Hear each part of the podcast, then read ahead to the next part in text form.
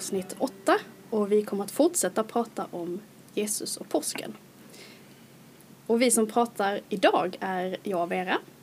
Johan. Filipp. Och Johanna. Hej. När vi slutade förra gångens avsnitt så hade Jesus precis blivit upphängd på korset. Och det är där som vi kommer att börja idag. Vid sjätte timmen föll ett mörker över hela jorden och det varade till nionde timmen. Vid nionde timmen ropade Jesus med hög röst. Min Gud, min Gud, varför har du övergivit mig? Några som stod där och hörde det sade. Han ropar på Elia. En av dem sprang genast bort och tog en svamp, fyllde den med surt vin och satte den på en käpp för att ge honom att dricka. Då sade de andra, låt oss se om Elia kommer och hjälper honom. Men Jesus ropade än en gång med hög röst och gav upp andan. Och där dör Jesus. Ja. Och Elia i det stycket är ju Gud. Kanske inte alla som har koll på. Elia är väl eh, en profet? Eller blandar jag ihop det nu? Ja, nej, det är väl, Elia är väl en profet men att ordet eh, som han ropar på eh, arameiska eh, var någonting som de hörde som Elia, Mm. tror jag. Eli, Eli, Ja, Mm. Sabaktani, någonting till. fördjupning här. Prästkandidaterna. Ja, precis. Nördarna blir... Ja, precis. Men, eh, men, precis. men Jesus ropar ju på Gud. Mm. Eh, Men som Johan sa, att det låter som de säger Elia. Och Elia är en profet. Ja. Eh, Som då, då tänker att ja, men han ropar på honom för att de ska, han ska hjälpa. Så var inte fallet. Men Jesus dör ju där på korset och innan han dör så säger, för att han hänger ju bredvid två rövare. Nu backar jag bandet lite här ändå. Men eh, han hänger bredvid två rövare som, som, eh, som hånar honom. Den ena hånar honom och den andra är väldigt ödmjuk egentligen inför vad han har gjort. Ehm. och innan Jesus dör så säger han då Fader förlåt dem, ty de vet inte vad de gör. Och jag tänker att det, inte, det handlar inte bara om rövarna bredvid honom utan det handlar ju om oss alla. Så det Mm. alla vi som ska få bli förlåtna.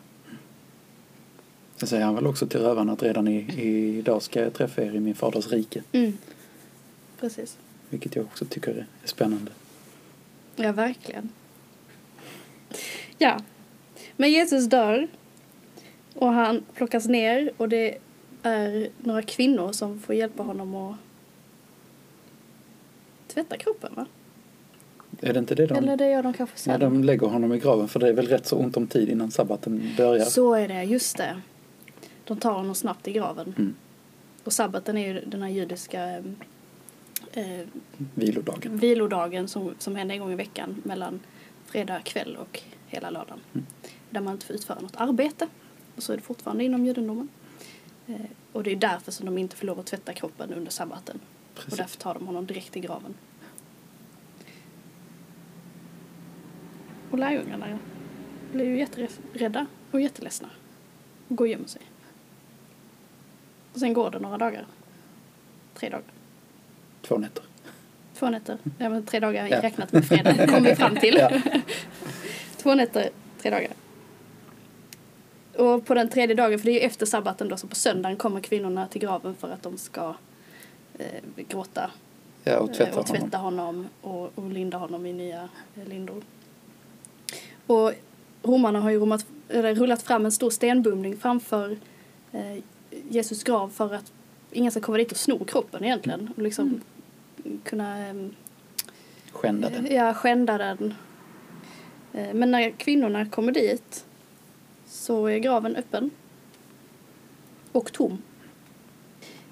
Men eh, utanför graven så, så kommer det en ängel och säger varför söker ni de levande bland de döda? Han är inte här. Och kvinnorna blir ju, jag kan tänka mig att först blir de väl chockade. För det är ju något, eh, något helt eh, jätteknasigt som de får höra där liksom att han att Jesus inte är där längre, att han lever när de vet om att han dog på korset. Mm.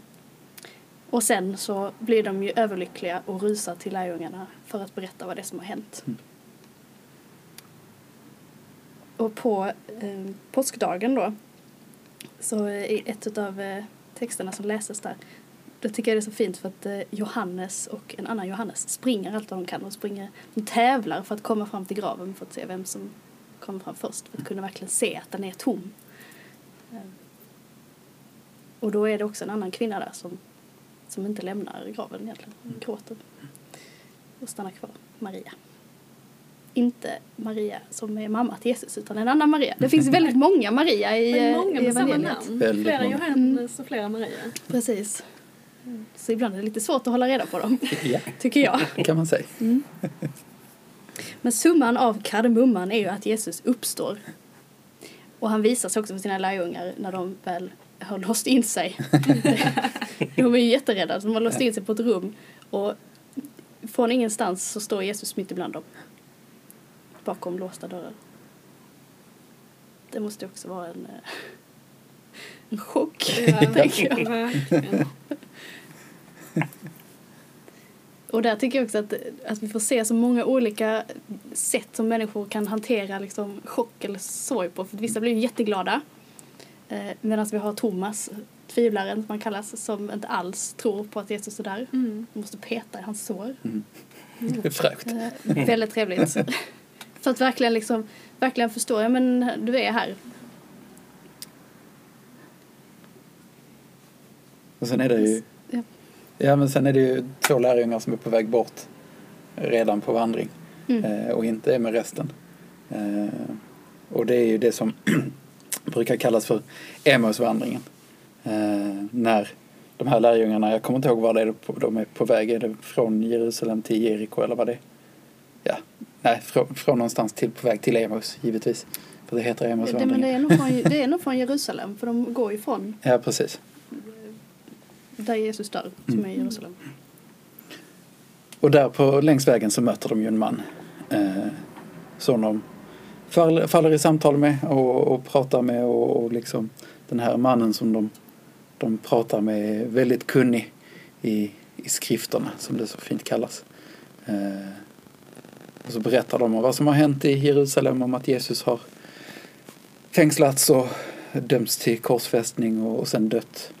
Eh, och de samtalar rätt mycket längs vägen där så de kommer fram till någonstans där längs kvällen och så ska de in och äta middag och eh, ja, förmodligen sova. Eh, så då bjuder de med den här mannen in på, på middag eh, och, och delar måltid. Och när de gör det så bryter mannen brödet i måltiden och då inser de att det är, det är Jesus. Så först då, efter att ha gått en hel dag med den här mannen, samtalet med honom hela dagen, först då så inser de att det är honom de har mött. Mm.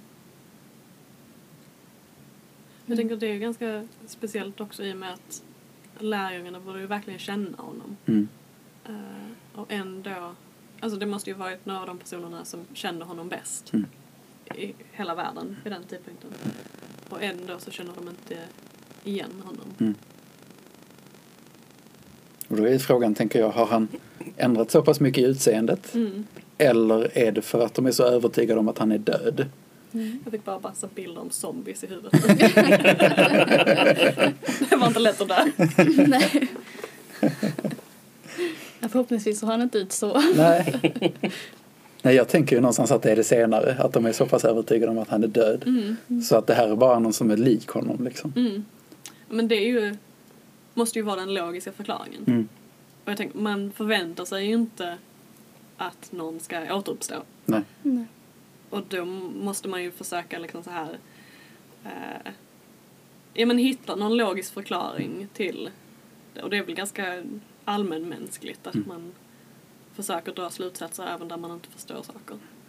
Och försöker förklara bort saker eller förklara saker som man kan förstå det och greppa det. Mm. Och det är väl därför så många springer till graven också, eller de här, Johannes och Johannes. Mm. Eh, för att det är något som är så svårt att förstå. Att de måste dit och se med sina egna Mm. ögon. Eller att man måste peta i såren. Eller, Mm. Och jag kan tänka att det kan ju göra att det är svårt att tro i modern tid också för vi kan inte peta i såren och vi Mm. kan inte titta i graven och vi kan inte liksom prata face to face på samma sätt som man hade möjlighet då. Mm. Eh, vi har inte så många konkreta liksom, bevis vi kan använda oss av. Ja. Och där tänker jag att anden kommer in och som hjälparen då och försöker Mm. hjälpa oss att förstå även om vi aldrig kommer förstå det fullt ut som säger, för vi kan inte se det här fysiska eh, Mm. och ta på, på Jesus. Men jag tänker att anden är ju här. Jesus sänder ju anden till oss eh, som hjälpare, tröstare, livgivare. Ja. Mm. Så på ett sätt så är ju Jesus här fast ändå inte. Kroppsligen Mm. är han ju inte här. Jag tänker att det är ju den fasen vi är i nu också, tänker jag, vi som, Mm. som någonstans är Jesu lärjungar. Att vi, vi får se Jesus i, i människorna vi möter längs vägen någonstans. Och så får vi inse det när vi bryter brödet tillsammans. Liksom. Mm. För jag brukar tycka, eller tänka så ibland att vi är ganska likt och det med lärjungarna. Att jag tänker så här då, när man konfirmerar sig. Under den tiden blir man ganska övertygad om att Jesus finns. Och jag tror på Jesus.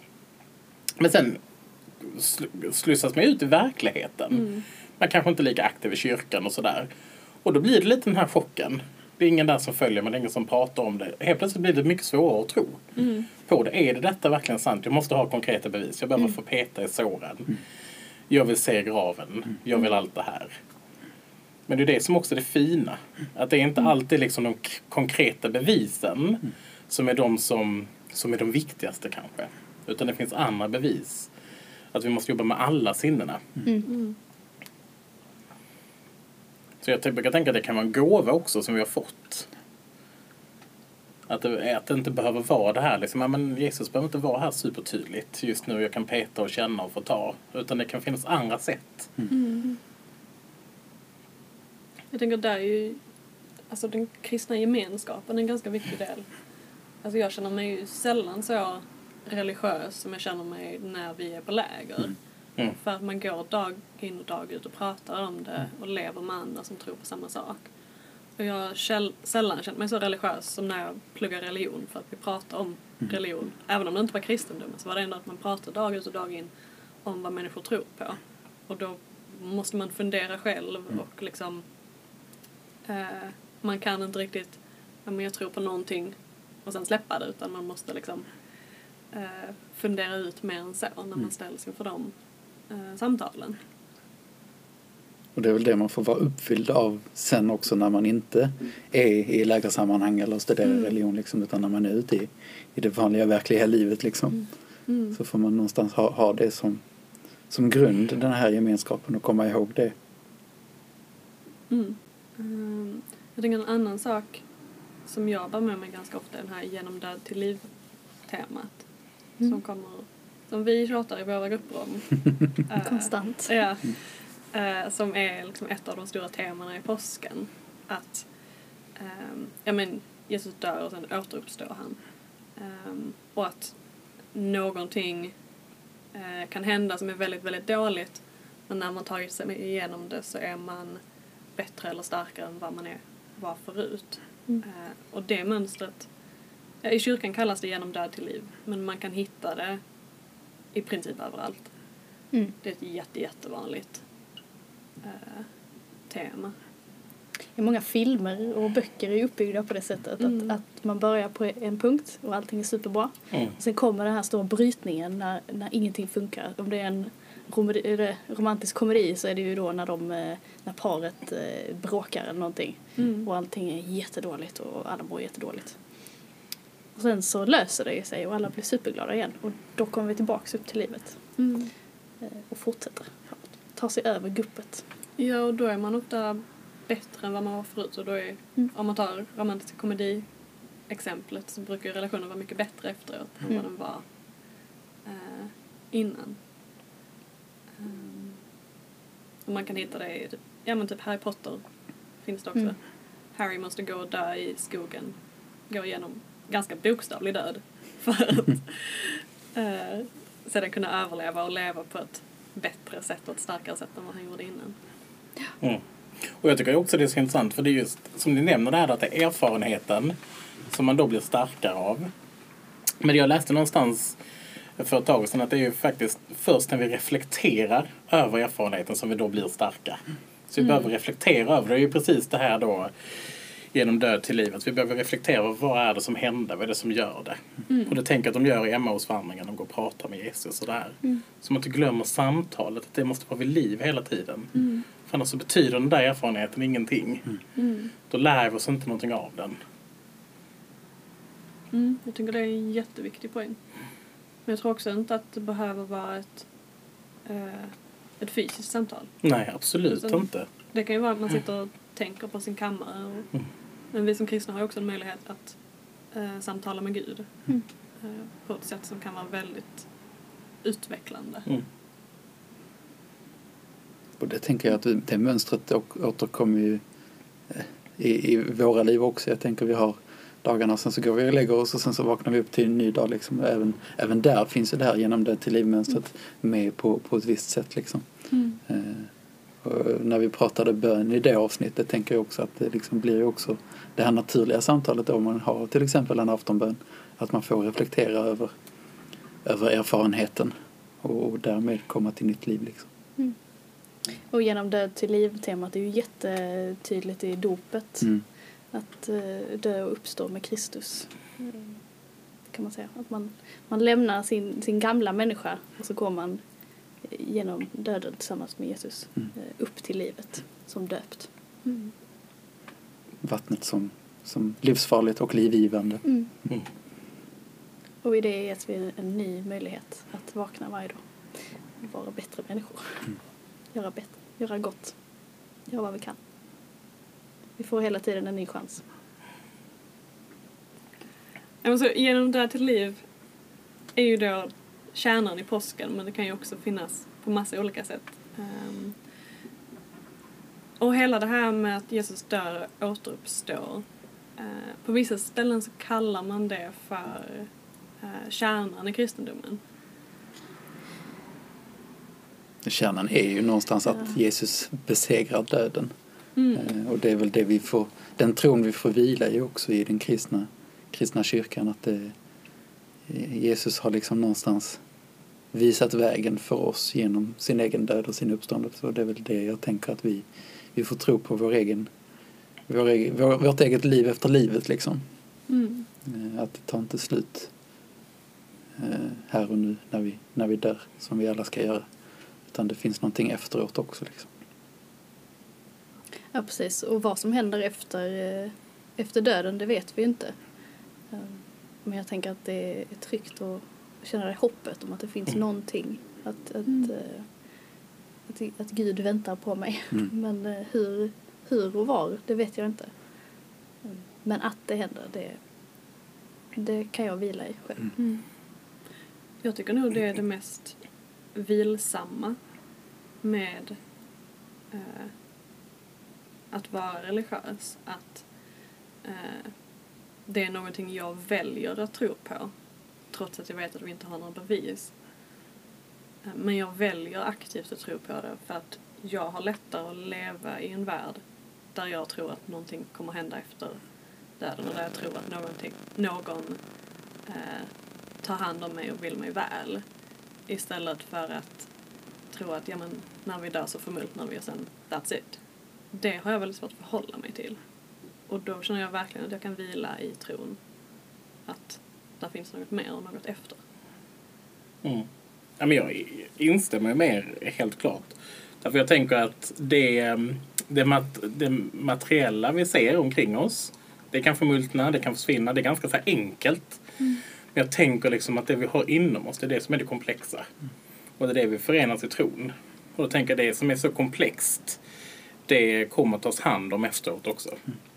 Det enkla, det kan försvinna, göras om, återbrukas, återvinnas. Men det komplexa, det måste ha någon slags mer komplex slutdestination. Och för mig är inte det viktigt hur det ser ut utan det viktigaste är att vi tror att det finns.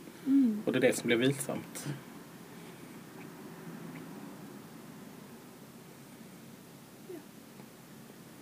Tack för det här samtalet. Tack själva. Tack så mycket. Och vi säger tack för idag på eh, det här avsnittet. Så ses vi igen. Det gör vi. Hej då! Hej då! Hej då!